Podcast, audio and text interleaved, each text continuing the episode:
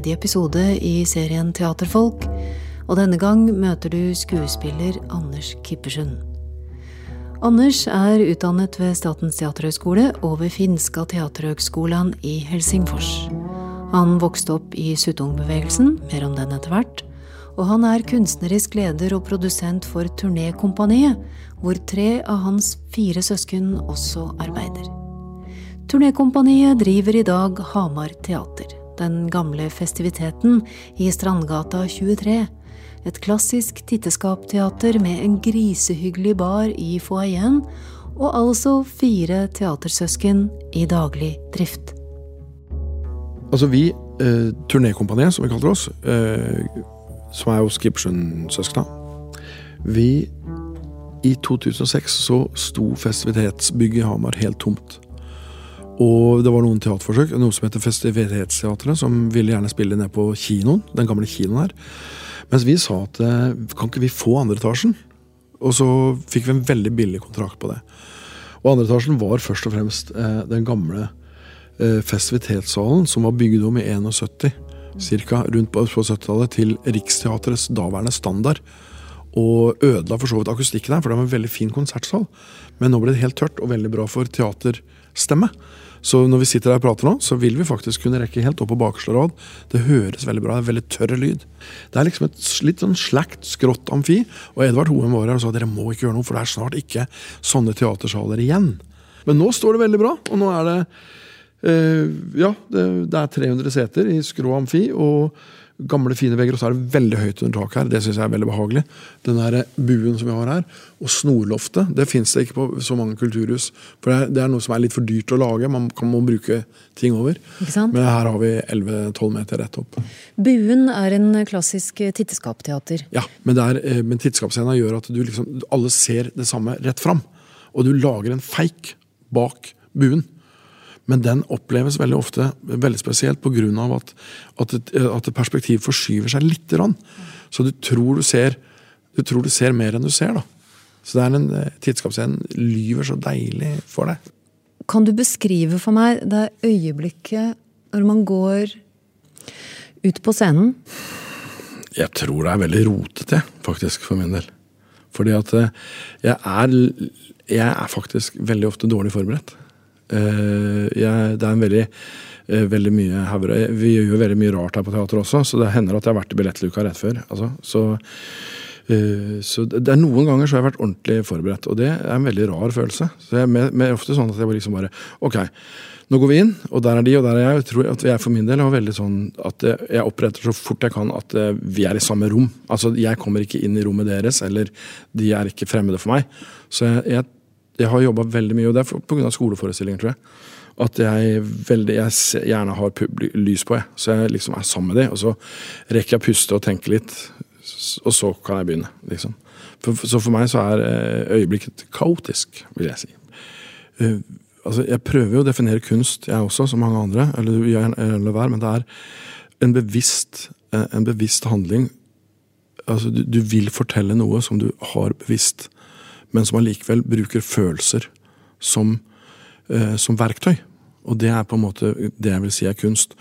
Og det, det Anslaget er veldig viktig film, for eksempel, Og det å på en måte kunne gripe tak i publikum og deg selv i det øyeblikket at nå er vi enige om å gjøre noe. Så det er, det er veldig ofte et magisk øyeblikk. Jeg har sett det gå vekk også. altså det hvor, hvor det, Nå er vi i gang. Og nå er alle på samme level, av en eller annen merkelig grunn. Og da kan hva som helst skje. Og, da, og, da, og, det kan også være på veldig fine, store, magiske, mekaniske teatre også.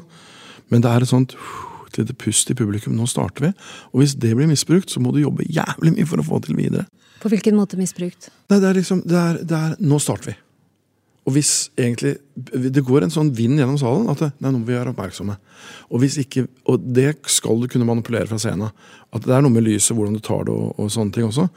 Og hvis du klarer å få til det uten de tekniske hjelpemidlene, at du kommer fram på scenen, eller det lukkes en dør og publikum blir helt stille, Du tenker på ungdommer eksempel, at nå kommer det til å skje noe, da bør det skje noe. Og hvis det skjer noe da, så plutselig er alle med på laget. Det er, det er en, den etablererfunksjonen der, det, det, er veldig morsomt å prøve ut. Hvor lang tid har du omtrent på det? Ti sekunder, kanskje. Mm. Kan du merke i et publikum om de blir nervøse for at dette skal gå bra? Ja, men nå er det lenge siden. vi er begynt å bli mye seifere her. Altså, vi, men jeg, jeg har, opp, ofte opplevd det, og jeg sier ofte at vi altså Bra teater er bra teater, men jeg, jeg, jeg tillater meg å si jeg har gjort mye dårlig. Men det var ikke ment å være dårlig. Ikke sant? Og så jeg husker jo de Jeg husker sånne situasjoner hvor du bare dette er, Du skjønner at dette ikke er bra, men du har liksom brukt månedsvis på å forberede det. Og, Nei, faen, altså. Du kan ikke rygge nå? Nei, det må jo bare gjennomføre. Så, og hender jo, altså, men vi lærte oss etter hvert. For 10-15 år siden så hadde vi et uttrykk som at en forestilling som er bra på en dårlig dag, er veldig viktig å ha. Ja.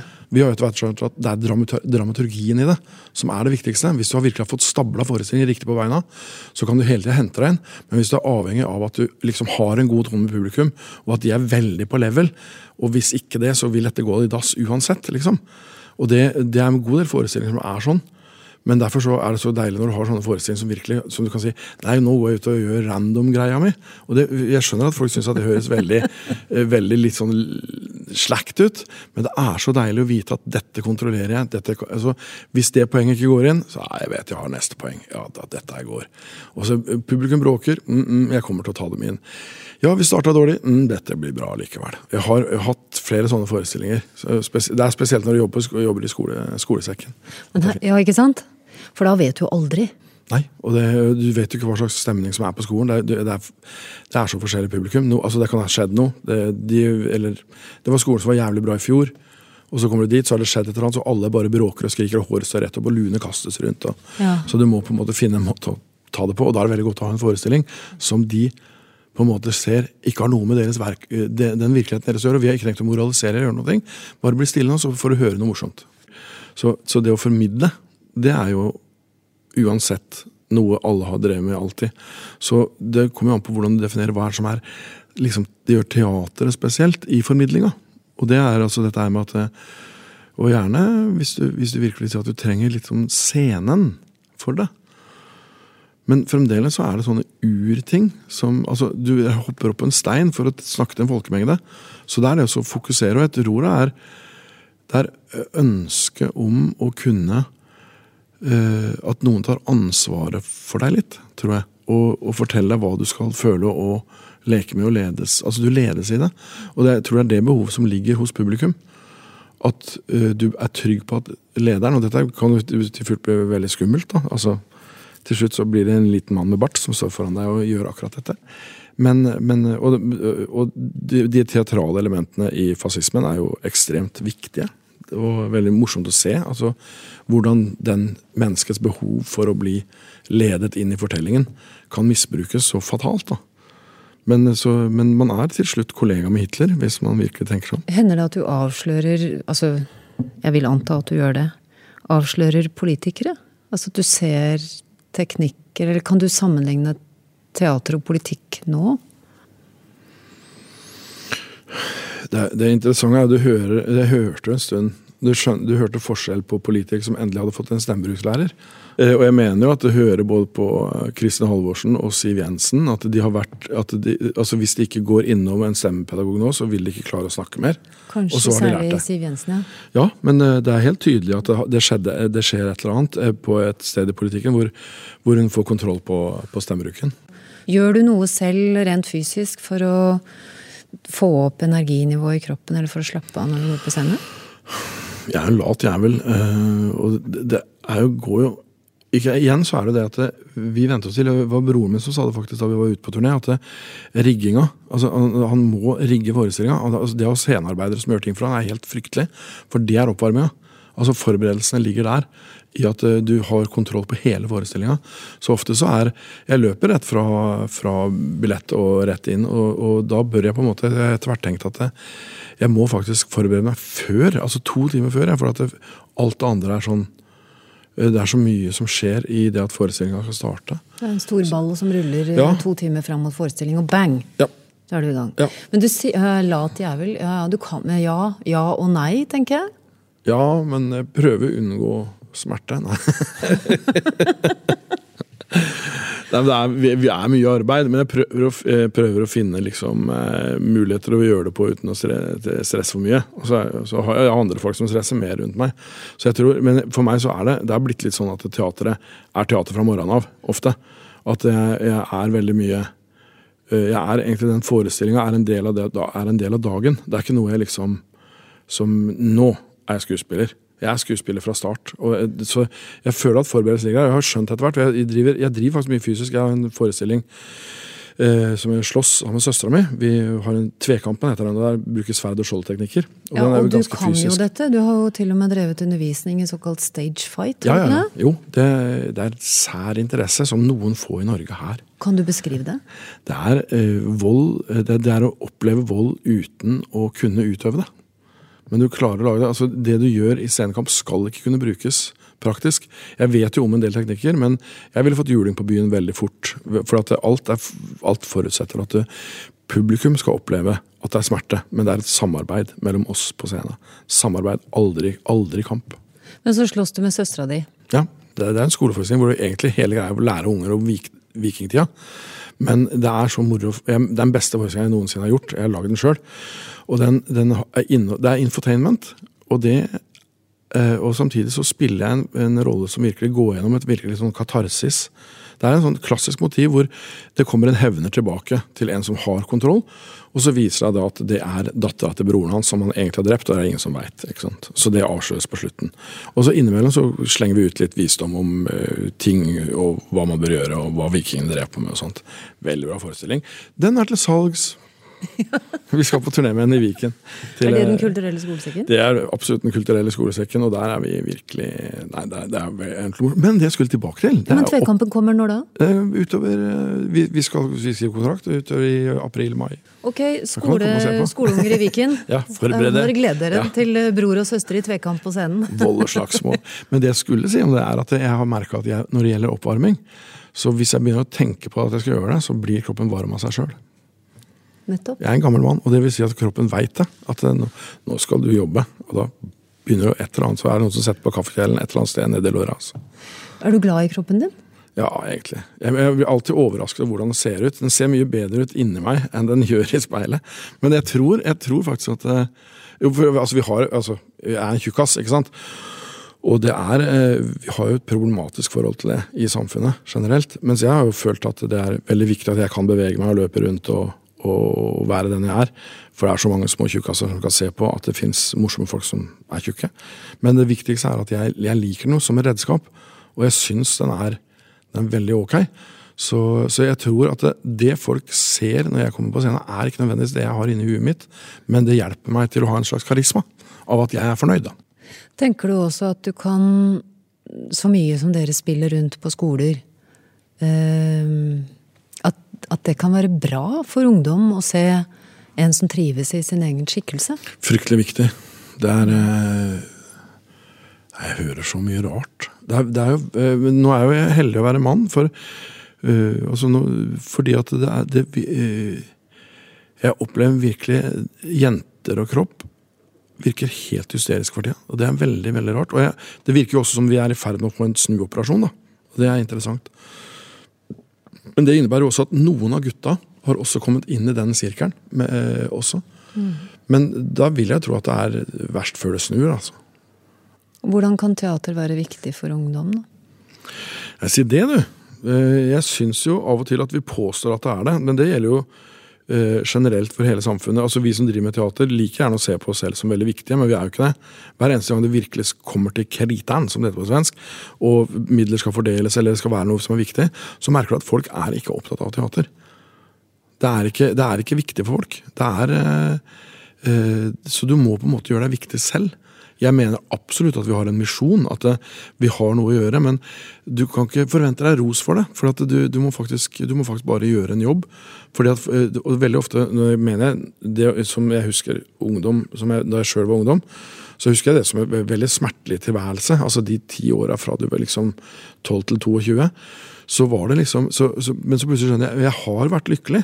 Men jeg husker jo bare de ulykkelige stundene, så jeg må skjerpe meg hardt for å huske. Og av og til tenker jeg at når ungene sitter sånn og ser på oss, og er lykkelige og smiler og liksom bare flyter med i historiene våre, så tenker jeg at de kommer ikke til å huske det. Men de kommer til å ha hatt, kroppen deres vil ha hatt en pause fra all den faenskap de ellers opplever. Og det, og det, må du også tenke på. at det, og det, du, får ikke, du får ikke den tilbakemeldinga. Det er veldig sjelden du får tilbakemeldinger, men du ser det. At nå er vi alle sammen glade. De har glemt, de har glemt, de har glemt alt det vonde for en liten øyeblikk. Og det, så vi, vi må tro på sjøl at det er viktig, det vi gjør. Men, men du liksom, når du virkelig kommer ut og utfordrer folk, så er ikke teater det som de vil ha som, som skal, er førsteprioritet for folk.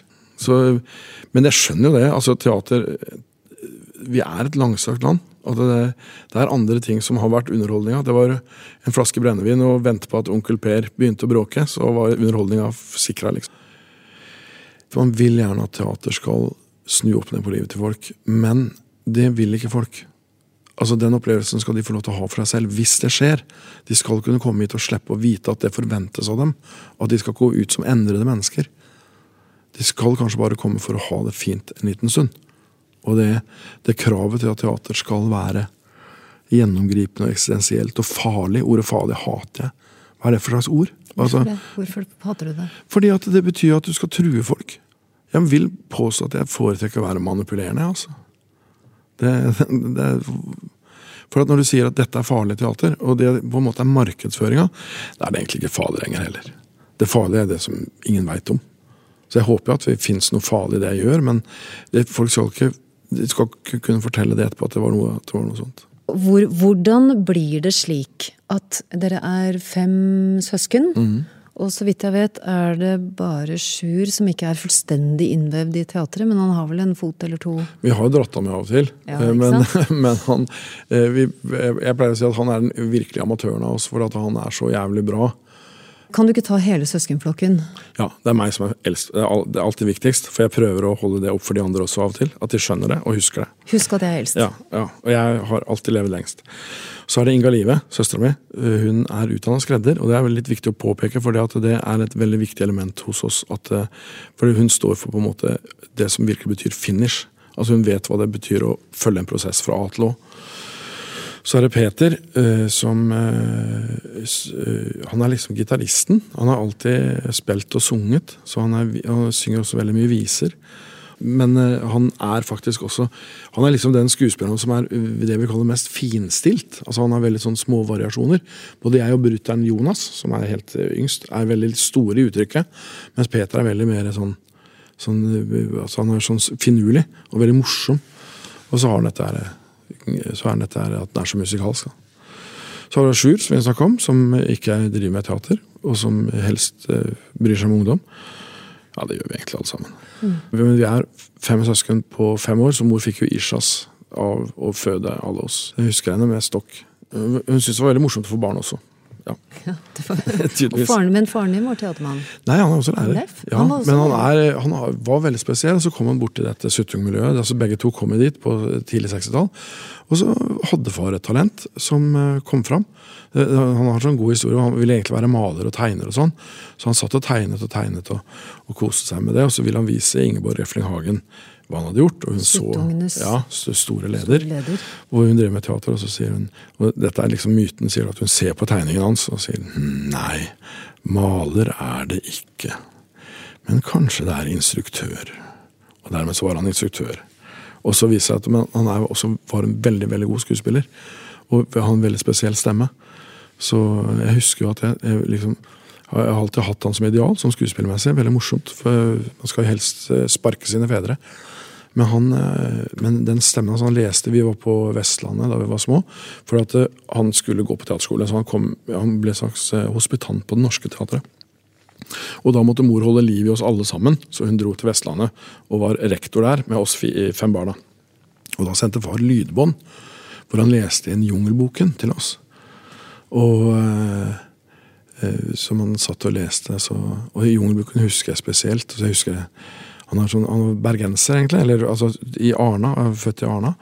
Så han, har, han hadde skarre her, men snakka ellers riksmål. Så En veldig rar måte å si det så Det er ingen som kan herme måten han skarrer på, men det var sånn dyp skarring nederst der. Så husker jeg Hva er jungelens lov?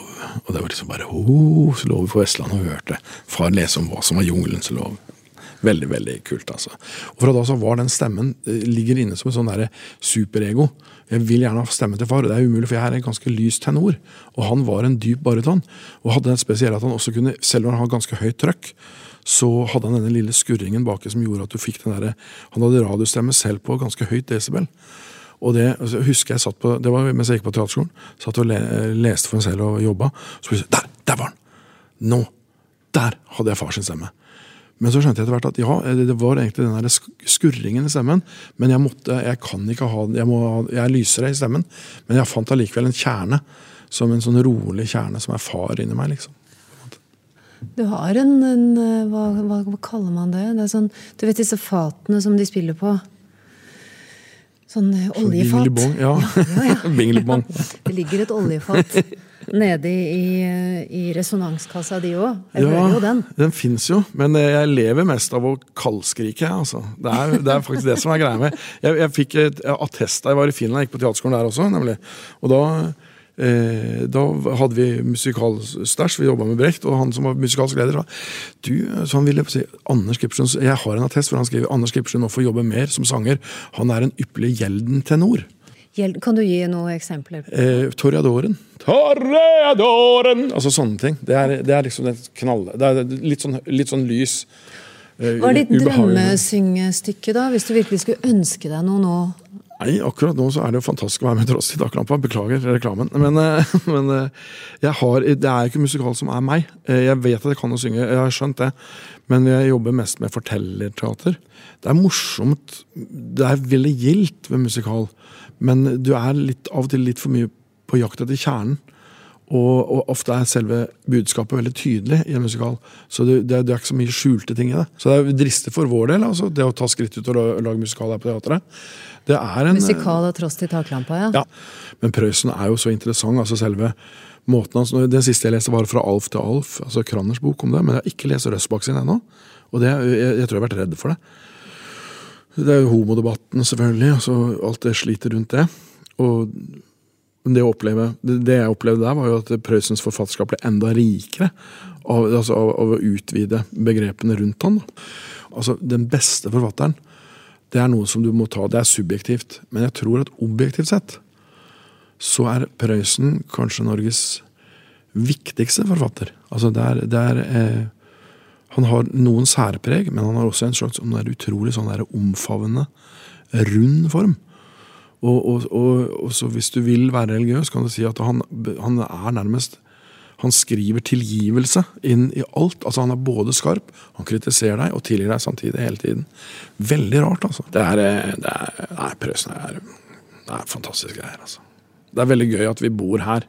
Det er så vårt når vi lager det. Og så er det så universelt. Da føler jeg veldig stor på Lillehammer, liksom.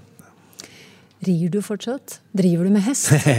Nei, jeg gjør ikke det. Du eh, gjorde det? Ja, jeg var veldig. Altså, det var Mor og far vi bodde på et småbruk, og plutselig så skulle vi ha hest. Så jeg var tolv år gammel, så fikk vi hest. En fjording. Og da befinner vi oss på Tangen, ikke sant? Ja. Og det, det småbruket skulle da være ja, Det er hvor svartskiferen gjør at potetene spruter opp av jorda. Og... det gjør det over hele stangen. Vi er et landbruksdistrikt. Og, det er vakkert. Ja, det, det er, og Tangen er helt spesielt. For det ligger akkurat i skjæringspunktet mellom det å være skog og det å bli bredbygd. Så jeg har du skal ikke kjøre for mye bil, du bør ikke det, men kjøreturene over Stangersletta er faktisk jævlig bra. Far sa at det, som bergenser kom han hit, og han kalte det den blå ringen. Når han kjører over Stangersletta, så er det et eller annet jævlig spesielt med lyset og det store rommet, men samtidig begrensningene. Så det er veldig fint. Men jeg hest. Vi, mor og far skulle ha et småbruk, for det skulle man ha. Dette er jo 60-tallsromantikere. Og så skulle vi ha hest, så vi fikk hesteredskap. Så jeg, fra jeg var 13 år gammel, så kjørte jeg pløyde jeg med hest, og jeg hadde slåmaskin med hest. og som vi ungene vi ble sluppet ut med dette her, så vi holdt på å drepe oss. Eh, med ganske farlig, for dette, Før idet traktoren kommer til Norge, så er det en god del av de redskapene som du har for traktor, som også er laget for hest. Og de er livsfarlige. Det er jo kniver og Ja, det er pigger kniver og sakser og pigger, ja, og det er helt voldsomt. Men jeg kan, jeg, dette kan, kunne jeg da. Da jeg ser tilbake på det, så var jo drømmen å være bonde før jeg ble, fikk drømmen å være skuespiller. Så det er andrevalget mitt. Jeg, men det ble, det ble bare fallet, for du kan ikke ha melkegeiter når du kommer hjem klokka ett om natta etter forestilling. Det liv som skuespiller har jo ødelagt meg en del. Det, altså, jeg, jeg gjør akkurat det som jeg klarer på scenen, og det er litt for lite til å kunne gå i åkeren. altså. Men om noen år så kan det hende at vi drar på Kippersund eh, for å kjøpe skjever. Ja, Det er heller ingen tvil om at vi nå eh, har um, snakket med en skuespiller, for du har fortsatt litt uh, maskara under begge øynene. ja. Jeg synes jeg understreker de små, runde øynene mine. Du har vært sivil ulydig, du har vært i lenkegjeng. Ja. Uh, motstanden mot veiutbygging, hvor var dette hen? Dette er bort på Espa. Det var der man fant sporet til rikssiden? ja, Men E6-en skulle da liksom lages ny, da. Og jeg, jeg er innbitt eh, motstand. Jeg, jeg merker jo at jeg, jeg prøver å unngå å høre etter at Hareide sier at eh, vi ikke skal gjøre de jernbaneutbyggingene som er vedtatt. Det er helt sprøtt. Nå, de satser mer på veiutbygging fordi de tror at elbilene skal ja. Vi lagde et stykke om det. Men politiet kom jo. Ja, da, hyggelige folk. Kjente broren min. Det er faktisk det er en del av forestillingen. er faktisk hvordan liksom, Nei, men hei, er det ikke broren til Sjur? Jo, morgen. Ja, nei, nå skal jeg fortelle at han har en slem bror, gitt. Nei, ja, unnskyld. Vi fortsetter her. Det var egentlig veldig gemyttlig. Og jeg har jo alltid Altså, jeg mener at politiet er bra her. Jeg hadde jo en eks-svigers en gang i tiden som eh, var jo venstremann og nekta å dra til Alta. Så, så politiet er, er et mangefasettert, merkelig, merkelig greie. Men de klarte ikke å løfte deg vekk. De var to. Men det, det, det morsomme er at, de sier at jeg, jeg sier det til dem. At det, dere hører nå her, for gutter, jeg er 130 kilo. Dere må, det bør ikke være flere. Og så er det Nei da, Kippersen, vi skal klare dette. Bare ta det rolig. Og så bare hører du sånn Og så når du kommer bort til bilen, så er det sånn Du, Kippersen, har du, gidder du å gå inn selv, eller? Det er litt glatt her òg. Og var, jeg var jo veldig bevisst på at det, det var jo fint, for det var jo bare spjælete ungdom ellers med. Så det var jo også et lite, litt problem for, for, de, for de, når det kommer 130 kilo Kippersund, som også skal bæres vekk fra lenkene. Det landet er mitt, jeg har ikke annet. Mine røtter tynes i tele og frost. Det er kampestenshort, men landet er mitt. Hver rot grodde fast så forbannet. Se, fins slik flekk, slikt syn på jord. Det er sitat Kink. Vi vokste opp i et veldig spesielt miljø. Det var ikke alltid hyggelig å gå på skolen. for å si det sånn. Hvorfor det? Fordi at vi var spesielle, Suttungene. suttungene. Og det var, det Ble det sett på som en sekt? Ja, absolutt. Jeg var jo det òg. Men opplevelsen av både å ikke høre til, men samtidig føle at her, dette er det hjemmet jeg har. Og så, Det er utrolig vakkert der, faktisk. Og så bodde vi inne i skauen på en spesiell flekk. Så når jeg kommer tilbake og sier jeg vil lage teater her, jeg vil ikke gjøre det andre steder, så er dette sitatet faktisk viktig, et viktig poeng. At det, du er liksom dømt litt til Men det er en vakker dom, da, egentlig. Både å være utenfor, men likevel en del av det. Ja. Ingeborg Refling Hagen, Suttungbevegelsen, motstanden Hun satt jo selv i tysk krigsfangenskap. krigsfangenskap. Og bestemte seg jo eh, da, så vidt jeg vet, for å utvide det åndelige rommet, sånn at fascisme og nazisme ikke en gang til skulle få fotfeste i det norske samfunnet. Og inspirasjonskildene var jo flere enn bare Wergeland og Kink og Ibsen. Altså Hun så jo til eh, andre ting også. Greske tragedier, Ja, ja. Homer, Ja. den store europeiske kulturarven, Bibelen og sånne ting. Hvordan, hvordan ble dere oppdratt hjemme? Var det strengt, eller var dere, måtte dere lese ting, eller var det disiplinært? Ja, det, det, det er en blanding av det. ikke sant? For at eh, vi, vi levde jo veldig fritt hjemme på småbruket hvor vi var. Og så, og så var det en del sånne greier du bare fikk beskjed om at dette her skal du bare delta på. Og hysj! Og mora vår var rimelig streng på det, så vi satt jo og så far spille teater i seks-syv timer. Og da satt vi på benken foran, og da var det, og jeg tror at noen av, For noen av oss var det forløsende, for andre var det krympende. Altså Dette her treffer forskjellig på folk. ikke sant? For meg er jeg er blitt skuespiller, jeg er en beundrer av min far. Og jeg mener at veldig mye av det som Suttungbevegelsen sto for, Eh, når det er levende, når det er i prosess, så er det veldig sunne saker. Men som alt som har denne sekteriske, altså sekten i seg, er jo det at du blir veldig begeistra for noe. Og knytter deg til det. Og så, hvis det så stivner til å bli bare regler og påbud, så dør det jo. Da er det ikke noe lenger. Men, altså Enten gjør du det riktig, eller så gjør du det gale? Er ja, det det du tenker ja, på? Det, blir... ja, det kan mm. bli en sånn kontrollerende greie. Men jeg opplevde ikke sekten så veldig slik. Jeg opplevde den mye mer Vi var mer i kamp mot noe. Altså Det var det at vi var kulturarbeidere som skulle frelse verden. Og da, og det, og da mener jeg, da er det prosess. Du blir ikke stående stille på din lille plekk og så liksom bare se på hverandre og si 'nå skal du være ordentlig', nå skal du være ordentlig. Så jeg opplevde veldig mye at det var lov til å virkelig prøve ting. Men, men det var nok det med Paulus-ordet, at du har lov til alt, men ikke alt gagner, som det sier. Jeg hadde en kamerat som spiller cello. Og, vi, og, Han bodde på Fredheim, for han var sivilarbeider der. Det var en sånn veldig grei kult. Og Så var jeg overnatta der, og så lagde vi lydbånd.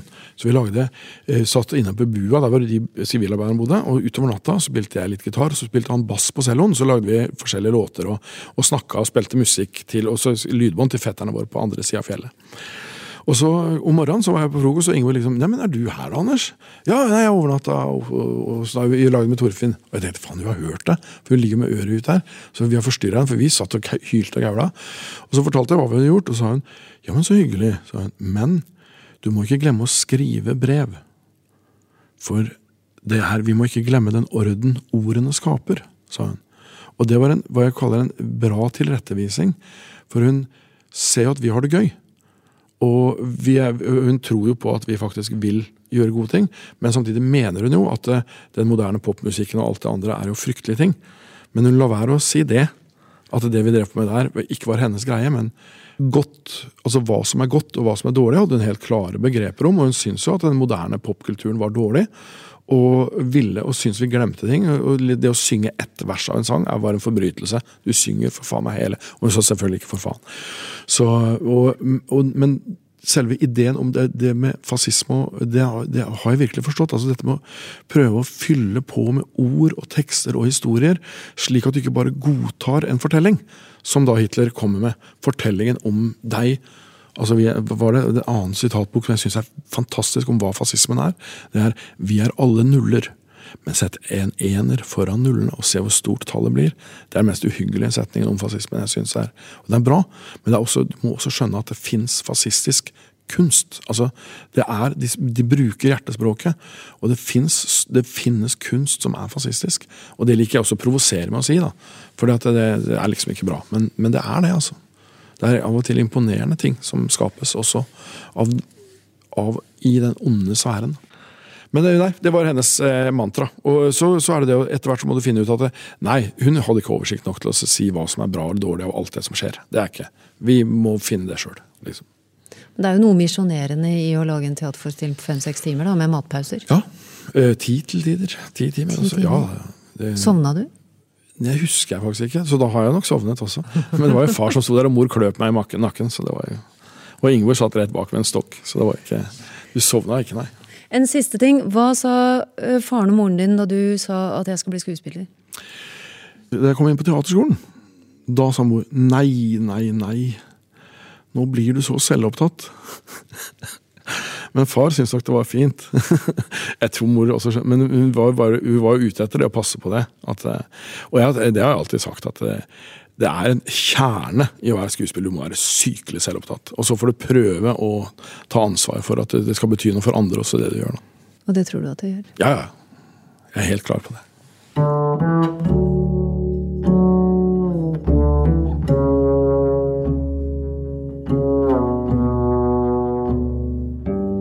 Du har hørt tredje episode av serien Teaterfolk.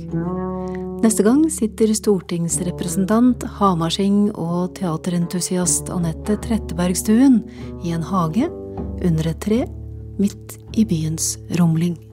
Det er synd at folk eh, kan flokke seg sammen eh, i barer og på butikker og på kjøpesentre uten at noen setter noen begrensninger, men at det er kunsten som skal få svi, da. Teaterfolk lages for Teater Innlandet av meg, Kari Slottsveen. Produsent Unni Moløkken. Musikken er komponert og fremført av Ellen Andrea Wang.